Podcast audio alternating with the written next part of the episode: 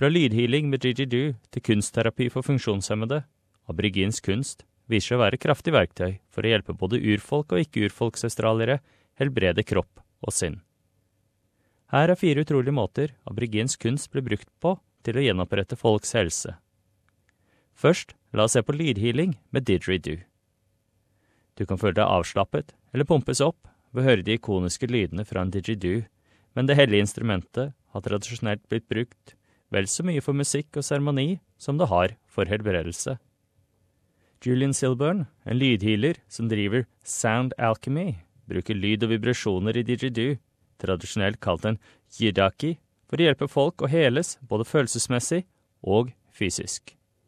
If someone works with energy like Reiki healing and you're working with the subtle energies of the body, you can detect where the imbalances are. With the didgeridoo, you're using sound waves. It's basically as you're connected to the instrument, as you're playing those sound waves out, it's connecting with the sound waves that are emitting from the person's vibration. And so then it actually gives you a sense of what's going on for that person. So you'll actually sense whether there is congested energy. You will actually feel it's harder to play that instrument into that particular area of the body.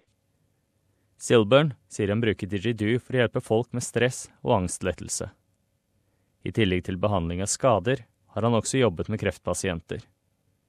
Silburn har blitt lært teknikker fra eldste i Arnhemland, og har blitt invitert til å spille didgeridoo på en rekke Aboriginal og Torres Strait Islander-festivaler. Han sier den helbredende effekten av instrumentet er dyp.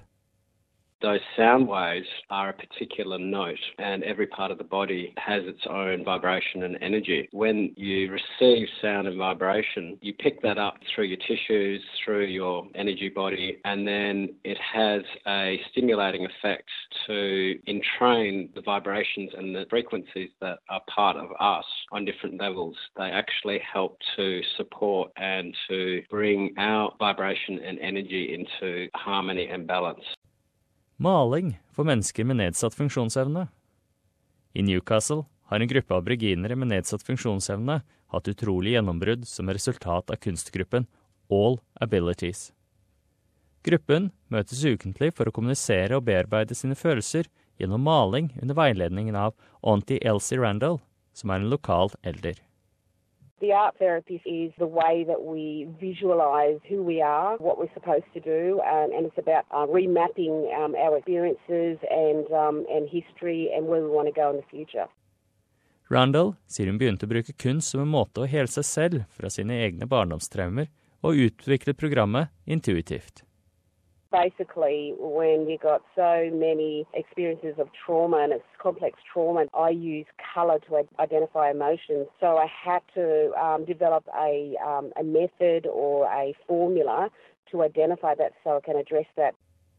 Randall sier at programmet har virkelig bygget deltakernes tillit ved å få dem til å endre fokus vekk fra de tingene de ikke har kontroll over. So understanding who you are, where you come from, who you're supposed to be, and then we walk into looking at emotions, then we walk into normalization of those emotions, and then we walk into diverting ownership. Only own what you're supposed to own, that's yours, that you take responsibility for, putting things in priority, and then taking back control and managing that in a circle. Resultatene taler for seg selv. One particular client. He was referred over from a, um, a provider uh, because he could not fit into a group situation. He was deemed as aggressive, violent, abusive, all that sort of stuff.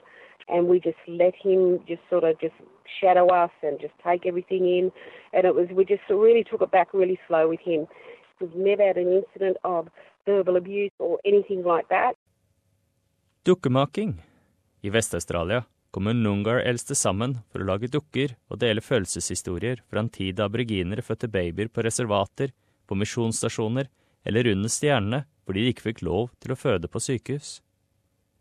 Community Arts Network, også kjent som CAN, har startet programmet Bush Babies for å tillate eldste å dele sine historier, samtidig som de lager dukker og skaper en foto- og portrettutstilling av opplevelsen.